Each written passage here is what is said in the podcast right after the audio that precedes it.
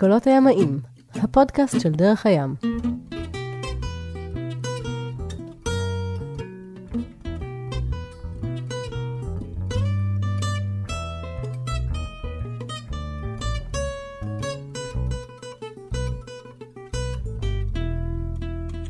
קולות הימאים, הפודקאסט של דרך הים, sailing, אסטריקס, ערוץ היוטיוב, אה, וגל ודני אה, מהערוץ הזה נמצאים איתי, כאן, בכיתת מגלן, אגב.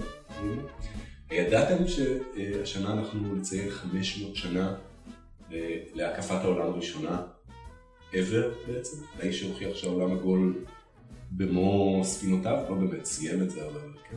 וואו, מגלן. כן. יש אחלה פודקאסט עליו. כן.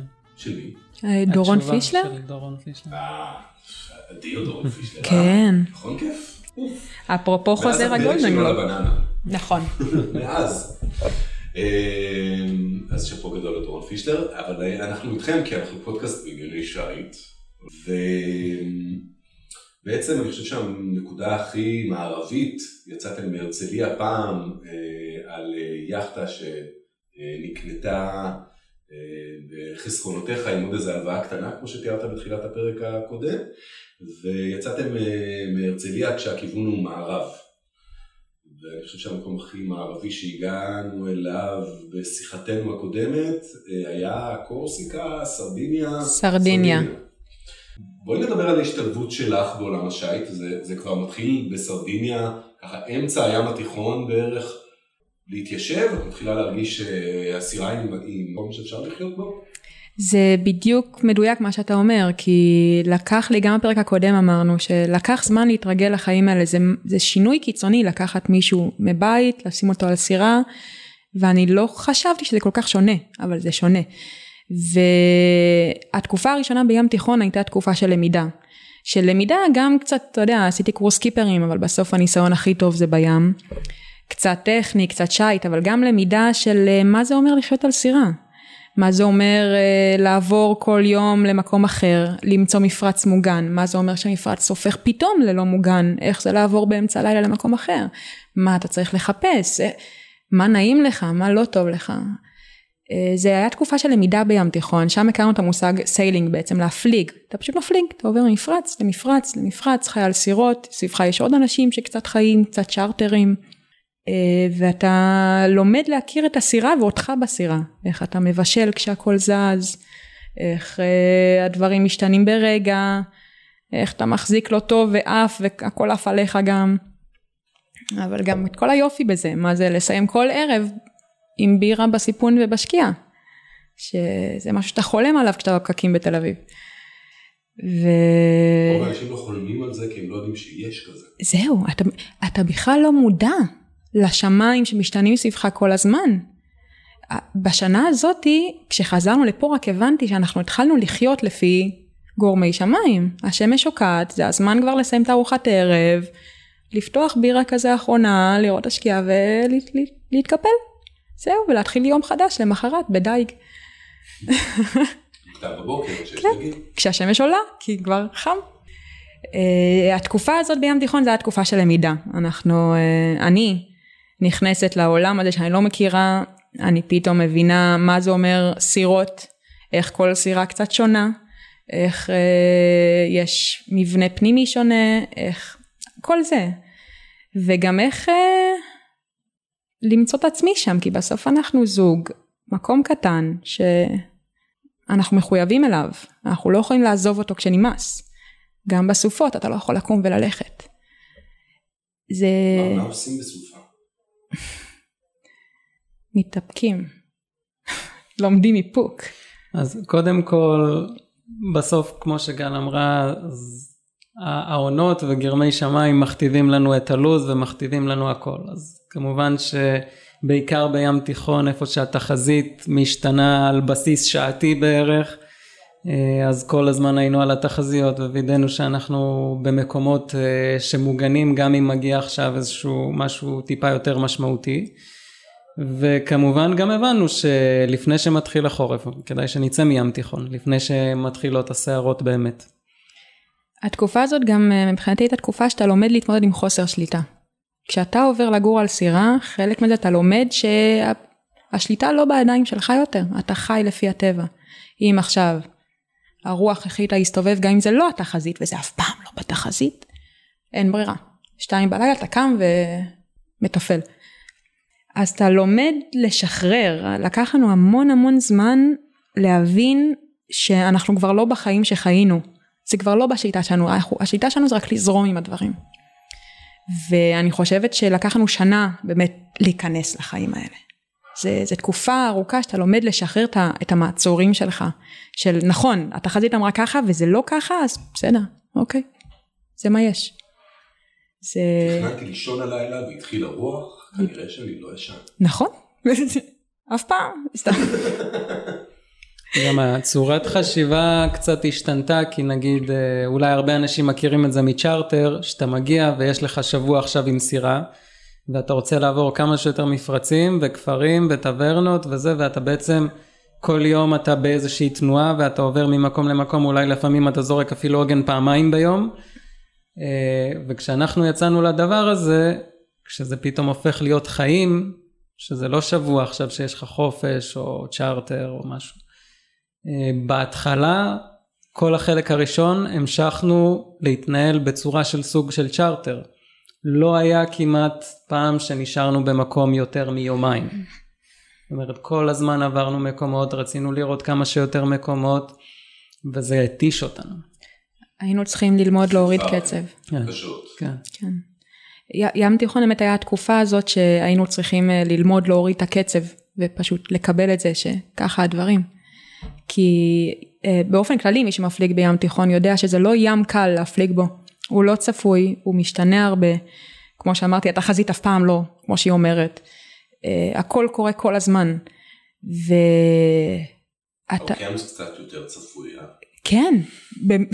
באופן מפתיע, כן. האוקיינוס הגדול, אבל כן. האוקיינוס היה חוויה, מבחינת הפלגה, הפלגתית האוקיינוס היה קל, אפשר להגיד, כאילו במילה קצת בגרשיים. אבל ים תיכון היה קשה, היה קשה להפליג בו, הוא תמיד תופס אותך לא מוכן כשאתה רק רוצה רגע לשבת ולנוח. והוא התאפיין בהמון פומו מה שנקרא פחד להפסיד. אנחנו תמיד רוצים להגיע למקומות הכי יפים. כולם אומרים לנו אה אתם פה אתם חייבים לראות את המקום הזה. ואתה יוצא עם הלשון בחוץ אתה, אתה שוכח שאתה לא בטיול. אתה במסע. ויש ימים שהם לא טובים ויש ימים שהם טובים ושניהם בסדר. ואתה צריך רגע להוריד את הציפיות, להוריד את, את הרצון לעשות הכל וללמוד לחיות על סירה. ללמוד לחיות פשוט ברגע. זה מה שים תיכון לימד אותנו והוא בא בדיוק ברגע הנכון. אז אה, בואו נגיע לג'יברלטר. גיברלטר, או, בעברית. או בשמו השני נכנסים למשחק של הגדולים. אז האמת היא גיברלטר אה, יצא לי בערך להעביר, אה, אני חושב שבועיים או שלושה בלי גל שחזרה לארץ אה, ללידה של הבת של אחותה. אז שיהיה י... במזל. תודה רבה. אז יצא לי להפליג קצת לבד מאלמרימר עד גיברלטר, ואז עוד שם הייתי לבד קצת עם הסירה. שזה מההפלגות סולו הראשונות של דני, אבל זה כבר פרק אחר בפודקאסט. ואני קצת, האמת אני קצת חששתי מההפלגה בוא נגיד הראשונה של שנינו שתהיה כל כך ארוכה, כי גם זה... איך היה להפליג לבד? איך היה להפליג לבד? שלא לדבר על מיורקה. אנחנו נשמור, אני שומר את האופציה לעוד פרקים שבהם נדבר על זה, אבל בוא, בוא, בוא תשתף רגע מה הייתה חוויית הלבד. הראשונה? single handed sailing. החוויה הראשונה זה היה עוד במיורקה, כשגל לא היה לקוח כל כך להפליג, אמרתי לה אין בעיה, אני אפליג לבד את הלג היחסית קצר שהיה אמור להיות. לטובתי ייאמר שזו פעם ראשונה שאמרתי אי פעם אני לא מפליגה, וזה היה רגע קיצוני. אמ, התעצלתי להרים את הדינגי, גררתי את הדינגי מאחוריי, היא נקרעה לי, איבדתי אותה, הצלחתי למצוא אותה, הצלחתי איכשהו לקשור אותה מחדש, וזה סיפור ארוך ומעניין, אבל כנראה לא לעכשיו. אה, זאת הייתה החוויה הראשונה ובפועל גם הפלגתי אחרי זה עוד כמה ימים לבד עד שהצלחנו להתאחד. ובחוויה השנייה אה, שהייתה בלי אירועים אה, משהו דרמטיים כמו האירוע הקודם אני חושב שמה שקרה הוא שכשאני מפליג לבד, אני בעיקר מפליג. גל היא בסירה הגורם שגורם לנו לעצור במקומות, לבקר, לראות, ואני יותר בקטע של אה, להפליג ולגמוע מיילג' וכשהפלגתי לבד זה מה שקרה. פשוט אה, הפלגתי כל יום מהבוקר עד הערב, דאגתי שיהיה איזשהו מפרץ שאני אוכל לישון בו גם, כדי אה, לא להפליג ככה באזורים כאלה קרוב לחוף וזה אה, לבד. כי גם אין לנו AAS, אין לנו מקם, אה, זאת אומרת אנחנו מפליגים קצת אולד פשן. ופשוט כל יום הייתי מפליג, עושה כמה שיותר מיילים, וככה עד שהגעתי לגיברלטר, וחיכיתי לגל. שזה כבר תקופה שים תיכון מתחיל להיות קר, הכל זה חליפות שערה, קצת גשם. כן, קצת... זה היה סוף אוקטובר, משהו כזה, כבר קר ולא נעים, ואנחנו רוצים לצאת מים תיכון. גם ים תיכון אומר לנו, כאילו, יאללה, תקדמו. ואני קצת חששתי מההפלגה מגיברלטר לקנרים, אה, גם זה אזור די טכני גיברלטר שצריך להבין איך לחצות אותו נכון. מבחינת זרמים, רוחות. זרמים, רוחות, אה, תעבורת שיט זה משהו שפחות הדאיג אותי, אבל גם זה. אורקות, גם משהו שהדאיג אותי. יש עכשיו תופעה של השנים האחרונות של תקיפות של לוויתני אורקה, אה, כל מיני יכטות. זה קורה לחופי אה, פורטוגל בעיקר, אבל גם דרומה משם. לגמרי, ואנחנו נכון. נתקלים. סכנה אמיתית ליכטות. ואנחנו כן, נתקלים ביכטות שספגו פגיעה, שאיבדו את. ההגאים שלהם. כן. כאלה. חשוב לציין בפן הביולוגי, שזה לאו כן, דווקא... היא כימית, אני רוצה להגיד. ולמען אה, רווחת האורקות בעולם זה לאו דווקא מרוע זה עוד לא ברור מה הסיבה אם זה שעשוע או שזה איזה טראומה שהיה לקבוצה מסוימת של אורקות שהם כאילו קצת כן נוקמים זה עוד לא בדיוק בדוח וזה לא כל האורקות זה איזה קבוצה של שלושה זכרים צעירים שמלמדים קצת אחד את השני איך להשתעשע עם סירות. וזה לא תופעה גלובלית אם רואים אורקה לא צריך עכשיו לבוא עם חנית ולהרוג אותה.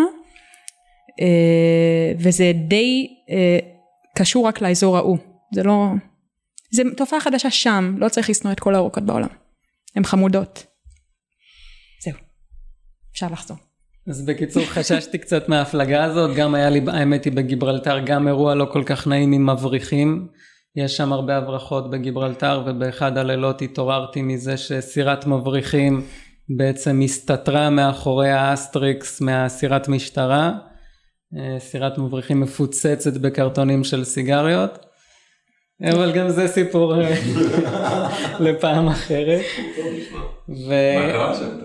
אמ, אז בסוף התעוררתי פעם אחת ובדיוק הם התרחקו. אני רואה מין אה, סאג Mark 5 כזאת חשוכה עם אנשים שלבושים שחור. והדלקתי את האור בסלון כדי שיבינו שאולי מישהו ער והלכתי לישון. ואז שוב אני מתעורר כי אני שומע מין מכשיר קשר כזה שמכשיר קשר ממש על הסיפון של האסטריקס ואני עולה למעלה ואני רואה את הסאג הזאת קשורה ואני מתחיל לצעוק עליהם, הם לא יודעים אנגלית, הם צועקים לי משהו בחזרה עם טבקו, טבקו ופוליס, משהו כזה. יעני, תן לנו להסתתר, הכל טוב. אז אה, יש שם, בגלל שגיברלטר זה אזור של דיוטי פרי, אז בעצם יש את גיברלטר ואת הלליניה, שזה העיר הספרדית הצמודה. וגיברלטר זה בריטי. בקיצור, אז הם עושים משם כנראה איזה שהם הברחות, וסילקתי אותם כדי שלא יחשבו שאני קשור אליהם באיזושהי צורה. ומיד איך שסילקתי אותם אני רואה את הסירת משמר עם הזרקור כאילו רץ עליהם בפול ספיד והם מתחילים לנסות להתחמק ממנה ומין מרדף כזה שלם. בסוף למזלי איכשהו זה לא, לא פגש אותי אבל אה, זה גם חוויה לא נעימה כשבאמצע הלילה פתאום אתה שומע אנשים אה, על הסירה או ליד הסירה. שזה לא תופעה כל כך אה, נדירה בגיברלטר, שמענו גם שייטים אחרים שרואים סירות מעמיסות דלק, נעלמות, חוזרות ריקות, כאילו דברים קורים. אז חששתי מההפלגה הזאת כי זה רק שנינו וזו הפלגה של שישה ימים ויוצאים לאוקיינוס הפתוח שלי אישית גם לגל לא יצא לנו להפליג באוקיינוס לפני. Um, וזהו זה היה קצת גם קצת מפחיד גם מרגש. חזרתי מהארץ, היה פתאום קשה לחזור אחרי מקלחות כל כך זמינות ומקרר שנפתח עם מלא אוכל ומיקרו. ותנור לא על גז. ואנחנו עומדים לצאת. הגעתי, יום למחרת אנחנו בדרך. אבל היה שם איזה רגע שאתה שם מראה בעצם על כל החצי שנה האחרונה. אתה אומר, אני יצאתי כ... מהבית. ואני פה בגיברלטר, מקום שאתה לומד עליו בשיעורי גיאוגרפיה בכיתה ה', זה כאילו כל כך רחוק. ואתה רואה אותו, אתה רואה בצד ימין את פורטוגל, בצד שמאל את מרוקו, אתה נמצא במקום שהוא אמיתי. ואתה סירה קטנה, אתה מתחיל להיכנס למיצרים, אתה רואה, פעם ראשונה שאני באמת רואה זרמים, אתה רואה את המים כאילו מבעבעים וקופצים מולך, אתה רואה את תופעות הטבע מסביבך.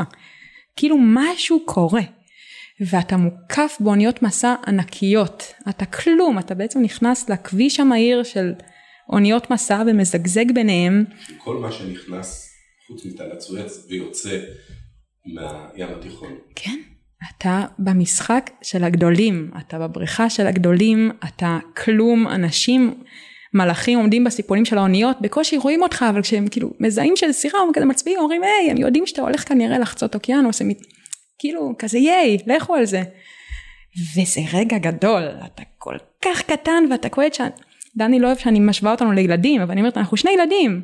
אנחנו יוצאים לכזה דבר ואנחנו פה והגענו לכאן, זה כאילו, מה עברנו? כ... כאילו, כשיצאנו, לא הייתי יכולה לדמיין את עצמי בסיטואציה הזאת, והיום, יש לי את היכולת, אני פה, אני הגעתי לכאן בכוחות עצמי. זה היה רגע גדול, ואנחנו מתחילים להיכנס לגיברלטר, הזרמים משתנים, הכל כזה קצת קשה, מרגיש שבאמת ים תיכון כזה פולט אותנו, יאללה, לכו, וברגע אחד אתה יוצא מהצד השני של גיברלטר, ואתה באוקיינוס. אני לא יודעת אם זה אמיתי, או שזה בראש שלי, אבל המים פתאום נראים שונים, נראים עמוקים יותר. זה בראש שלך. כנראה כחולים יותר, גדולים יותר, כאילו אין סופיים, אתה אומר. אני באוקיינוס. ואתה...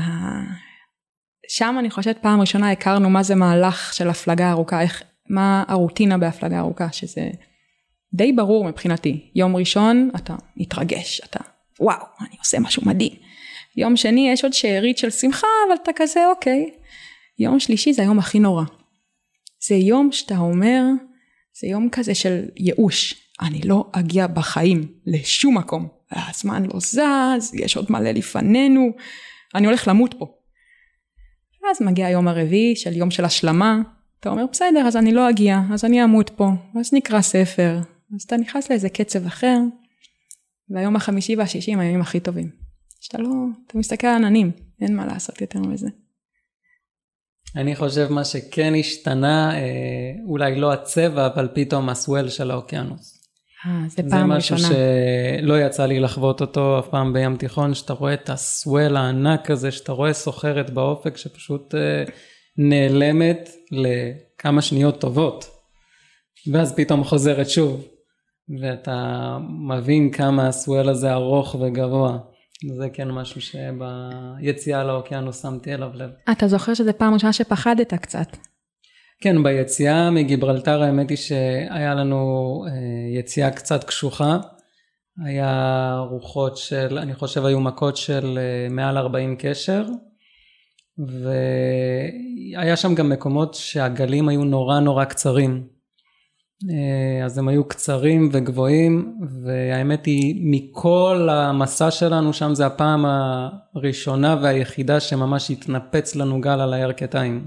כשאתה אומר קצרים אני לא יודעת התפקיד של גידי זה מי שלא מכיר אה, ים יש את הגלים, בדיוק, גלים גבוהים, אבל יש את המרווח בין גל לגל שהוא קצר, אז הם מתנפצים הרבה יותר, זה לא שאתה עולה אותם לאט ויורד אותם לאט, הם פשוט זה השפיצים גבוהים ש... נשפכים עליך.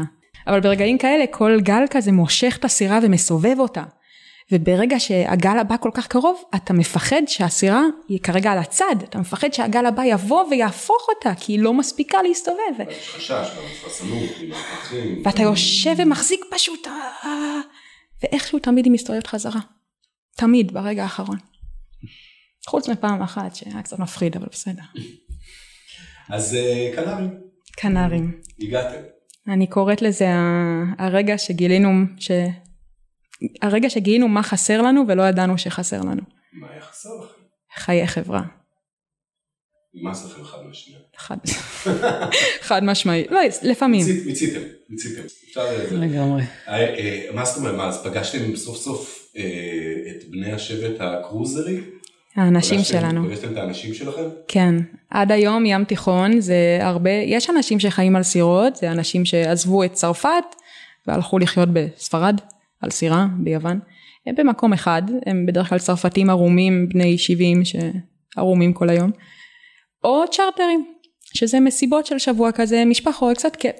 ואנחנו באמצע, הצרפתים בני 70 חושדים בנו, אנחנו צעירים שאולי בצ'רטר, והצ'רטרים לא מבינים מי אנחנו.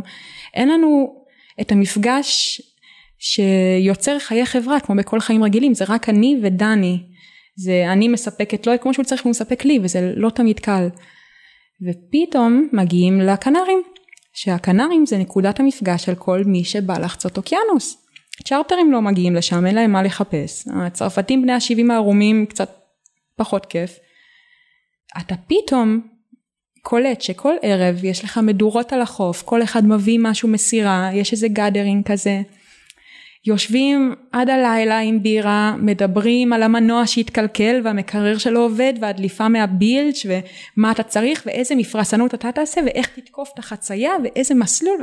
מתחילות שיחות על גבי שיחות וכל ערב סירה אחרת מזמינה ופתאום יש חבורה, יש קבוצת וואטסאפ שמתפתחת, כל מי שהולך לחצות אוקיינוס, יש איזה צחוקים, איזה, אתה עובר איים ואתה פוגש אותם שוב, זה, זה איזה מין נוצר פלוטילה של כל מי שהולך לחצות ויש איזה משהו שפתאום נהיה שלם יותר. אתה חי אחד עם השני, אתה מפליג, יופי. פתאום יש לך הרבה חברה, יש עם מי לדבר, עם מי להתלונן, מישהו מבין אותך. יש על מי לרחל. בדיוק. אתה ראית את ההוא שיצא בבוקר מהסירה של ההיא? הוא שחה ערום. אוקיי, אז אה, סוף סוף אתם בעצם משתלבים לחיים שאתה כנראה ידעת שהם מחכים שם איפשהו אחרי, ואת אה, הופתעת למצוא. ל cruising life, זה פעם ראשונה שפגשתי את המושג cruising, נכון, פעם ראשונה. ואמרנו שבעצם מהקנריים ירדתם לקאבו ורדה, לקייפ ורדה, אה, שנמצאת אה, דרומית לאיים הקנריים מול חופי אפריקה, כן, ומשם, מהכיוון המערב, קריבים. נכון. חציית האוקיינוס הראשונה שלכם. נכון. את ה leg הראשון של blue water, או של ככה אוקיינוס, קרה לכם בין גיברלטר לבין הקנריים. נכון. אה, היה acceleration zone מדרום לקנריים. הרוחות החזקות האלה שכולם מדברים עליהן. אה, האמת היא שיצאנו מהקנריים בלי רוח. אוי, זה היה מתסכל. זה היה מאוד מתסכל כי בעצם אה, קודם כל אבא שלי הצטרף אלינו לחצייה ובדיוק כמה ימים לפני שהוא הצטרף היו ימים עם רוח טובה. אה, שכל מי שמסביבנו יוצא, זה מין איזה לחץ חברתי כזה, כל החברים שלך מהשבט יוצאים, ואתה לא יודע מה לעשות. ואנחנו באותו זמן גם לא היינו מוכנים אנחנו בעצמנו לגמרי לחצייה מבחינת אספקה מבחינת ציוד וכולי וגם חיכינו לאבא שלי. ובעצם כשאבא שלי מגיע פתאום אין רוח. ואנחנו מסתכלים עד קצה התחזית ואין רוח. והיא גם הולכת להסתובב, להיות מהכיוון ההפוך, אז בכלל. וזה איזה מין אה, תסכול כזה שכל יום אה, אנחנו מסתכלים ובודקים ואין רוח והתחזית לא משתנה ו... עד שיום אחד כאילו אנחנו אומרים אוקיי אין מה לעשות אנחנו לא ניתקע פה עוד כמה שבועות גם כי אבא שלי איתנו ובסוף הוא צריך לחזור לארץ וננצל את המעט רוח שיש ונצא.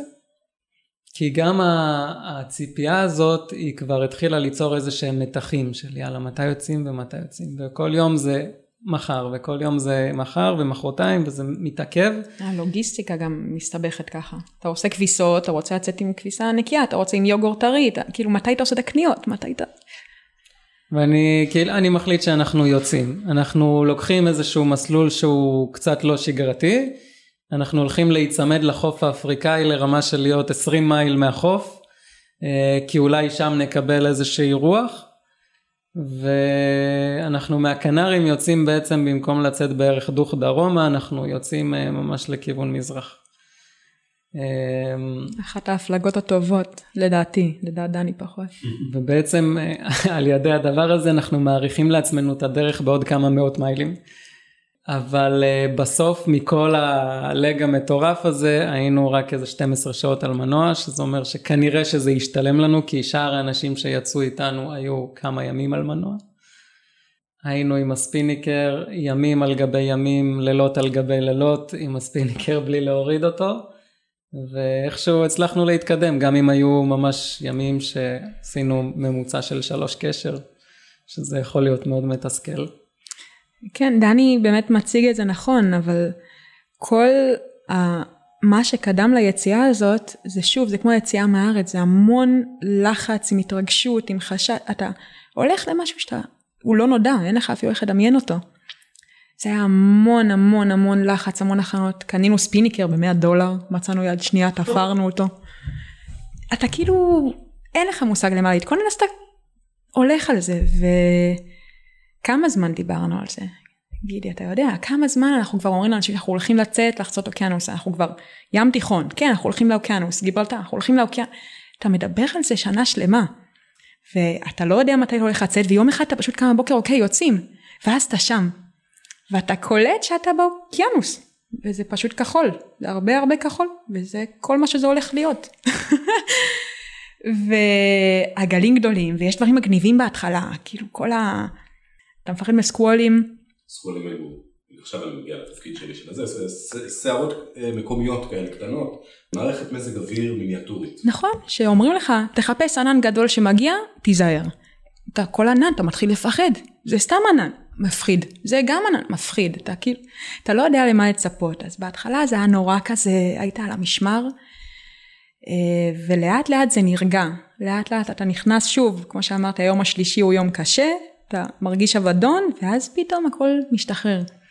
אתה מתחיל לחיות, אתה מתחיל לבשל שוב, אתה נכנס לאיזה מין בועה כזאת שכל מה שיש ביקום זה מה שיש על הסירה.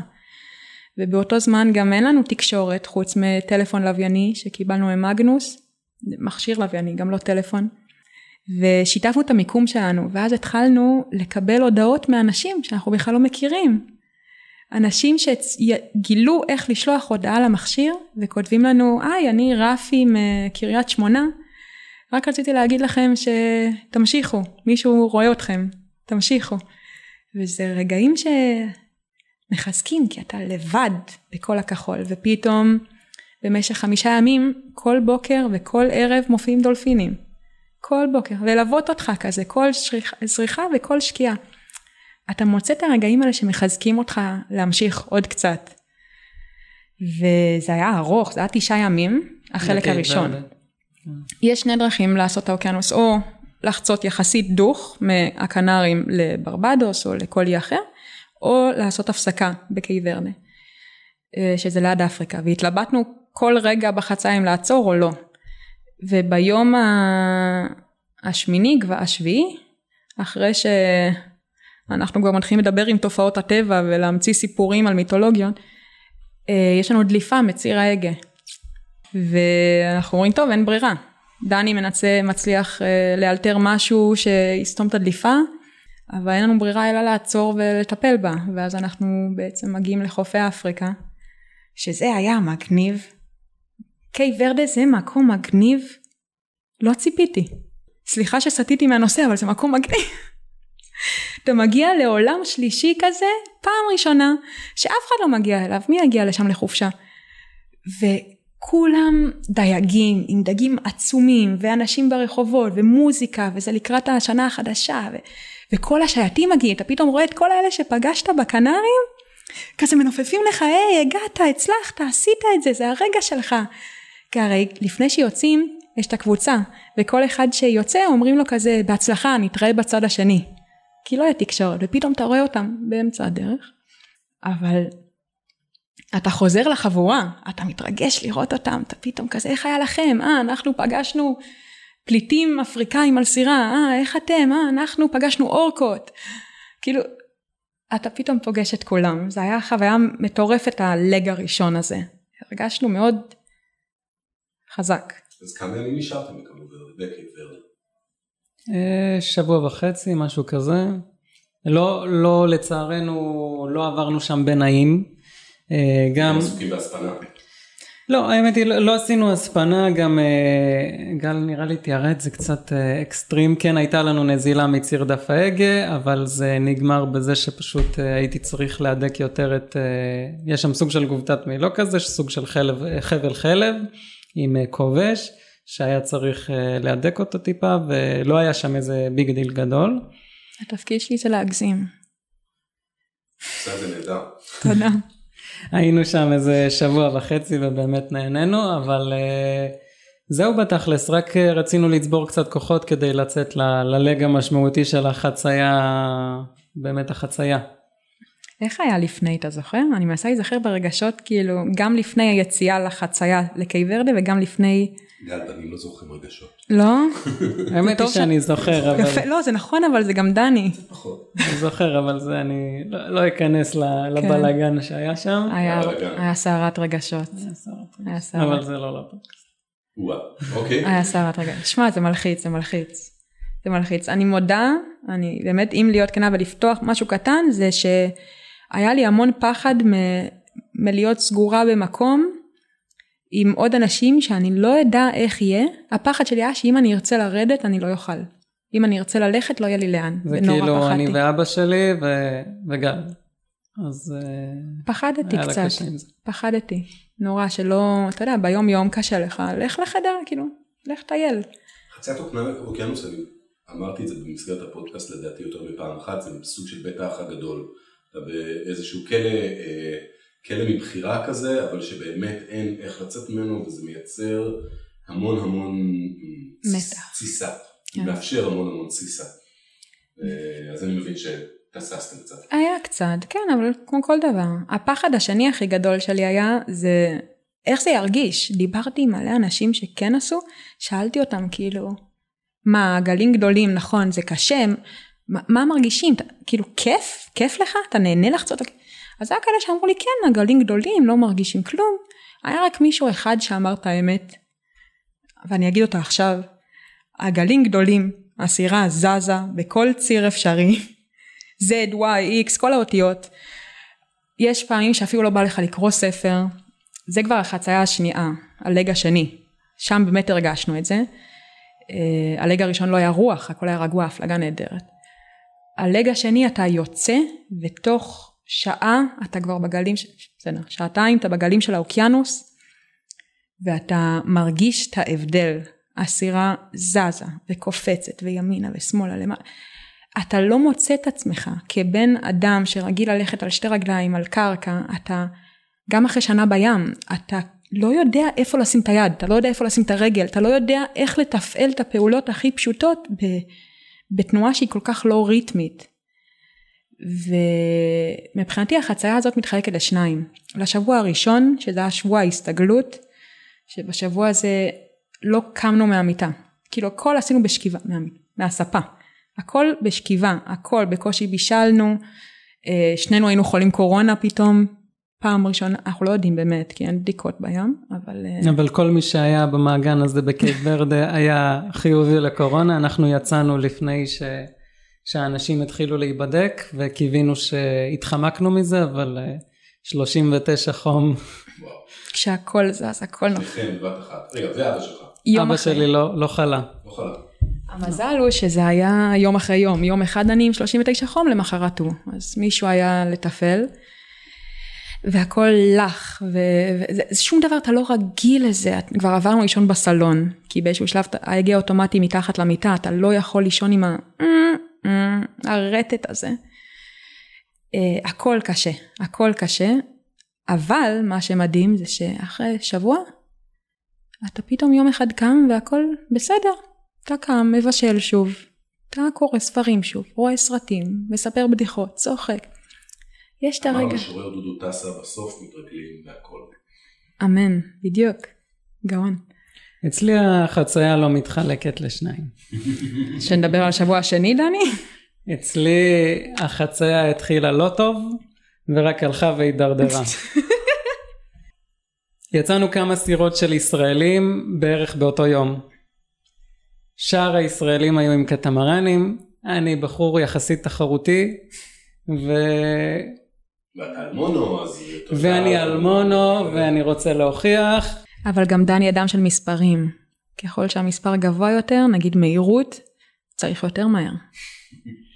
אז, אה, אז מה שאמרתי עכשיו זה כבר סימן לרעות, מה שנקרא. רמז מטרים. אה, כי זה לא נכון לגשת לזה באיזושהי צורה תחרותית ומי יעשה את זה בפחות זמן ולמי תהיה מהירות ממוצעת אה, טובה יותר אבל אה, יצאנו בטוב ואנחנו עושים אה, שישה וחצי שבעה קשרים ואז במהלך הלילה אנחנו מתחילים לקבל הסתרה מאחד האיים שם של קייפ ורדה מסן אנטואן והמהירות מתחילה לרדת. עכשיו תדמיין את התמונה, דני יושב מול המכוונים ואומר בקול רם, ארבע קשר, חמש קשר, ארבע קשר, שלוש קשר, שני קשר, ארבע קשר, כאילו, הוא רק מקריין את המספרים, הוא בתוך המהירות, הוא מרגיש אותה, הוא חייב עוד. ואני אומר כאילו טוב אני עכשיו בלילה אני לא ארים ספיניקר אבל אור ראשון אנחנו מר- מרימים ספיניקר ואני בעצם אה, המשמרת שלי הייתה מ-12 עד אה, 4 ואני הולך בארבע לישון מחכה כזה לחמש וחצי שש שיהיה אור ראשון כדי להרים את הספיניקר אני לא מצליח להירדם כאילו אני רק אני מרגיש אני שומע לפי הצליל של הגלים על הדופן אני יודע את המהירות ואני אומר אני חייב להרים את הספיניקר הזה כבר. ומגיע שש בבוקר ואני עולה למעלה אבא שלי במשמרת. לא רציתי להעיר את גל. עוד טעות שחוזרת על עצמה שממנה כמה- כבר קיבלתי כמה פעמים אה, תקלות רציניות. תמיד אבל- תעיר את גל. לא מעיר את גל, אומר לאבא שלי "נ- נרים ספיניקר רק שנינו ביחד. אבא שלי יש לו רישיון סקיפר אבל אין לו ניסיון כל כך.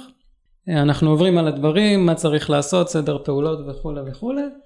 ובעצם כשאנחנו מרימים את הספיניקר אז uh, אני על המעלן של הספיניקר, לא, לא, לא, הוא לא עובר דרך ספינלוק, לא שמתי אותו על הווינץ', זאת אומרת אני מרים את המעלן בידיים בלבד. וההסתרה של הראשי שהייתה אמורה להיות בדיוק באה איזשהו גל מאחורה טיפה הפנה את הסירה הספיניקר מקבל רוח ואני ברגע בשנייה מוצא את עצמי במצליב הראשון וואו. שזה גובה של ארבע מטר? יותר לא בעצם המעלן משך אותך במעלה התורן. המלן משך אותי במעלה התורן גם אני לא יודע למה לא שחררתי את החבל מיד כי בהיגיון זה ברור לי שאני לא יותר חזק מהספיניקר ואין מצב שאני מחזיק אותו. אבל כאילו חב"ד, מה? הידיים ננעלו על המעלן ומצאתי את עצמי במצליב הראשון. בעצם כשאני מגיע למצליב הראשון הספיניקר נוגע במים. ואז אני מפסיק לעלות למעלה אני מתחיל לרדת למטה. אבל מחליק. אה, בעצם כשאני מחליק ויורד למטה אני מאבד את האור בידיים זאת אומרת אה, כל הידיים שלי יבלות ושפשופים לרמה של אין לי כמעט אור על הידיים. הספיניקר במים אה, מתחיל ככה להיסחף מתחת לסירה אני רק פוחד שהוא ייתקע עכשיו בקיל ובמדחף ובהגה ובמה לא ויש לנו גם חכה במים. יום ו- שני להפלגה. בלאגן אחד שלם זה הבוקר השני להפלגה. אני מתעוררת, החדר שינה שלנו, הקבינת שינה, היא בחלק האחורי של הסירה. אני מסתכלת מהחלון בצד שמאל, דופן שמאל, החלק האחורי של הסירה, ויש לי ספיניקר שם. ואני אומרת, רגע, איך הספיניקר בכלל מאחורי הסירה? אני רצה למעלה, הספיניקר במים, אני מסתכלת על דני כולו דם בידיים, מסתכלים עליי, ובבת אחת הספיניקר מתנפח מאחורינו. אנחנו מסתכלים אחד על השני ואומרים, מה? זה בכלל אפשרי? הספיניקר מנופח אחורה. ואז הוא נופל למים, מתחיל להיגרר, ואנחנו כזה, טוב, בסדר, חותכים את החבלים, משאירים חבל אחד קשור, יש לנו ספיניקר מתנפנף אחר, מאחור. דני מנוטרל לחלוטין, ואני ואבא שלו מתחילים עם הווינץ' למשוך את הספיניקר חזרה, רק מקווים שלא ייכנס בחכה, רק לא בקיא, לא בכל... יום שני להפלגה טוב. אז, אז ככה מתחילה החצייה שלנו בעצם, אה, אנחנו מרימים את הספיניקר לסיפון, מייבשים אותו, במשך יומיים. איכשהו זה נגמר ברק קרע ממש קטן על הספיניקר, אה, שאנחנו גם מדביקים אותו אחרי זה, ובזה שהמעלן בעצם, כששחררנו אותו הוא יצא מהגלגלת בתורן וכרגע אין לנו מעלן ספיניקר. ובזה שלדני אין ידיים, כלומר הוא לא יכול לרדת למטה, לא יכול להחזיק קפה, לא יכול, כאילו, פשוט לא יושב. יפה. מה שיקרה בהמשך.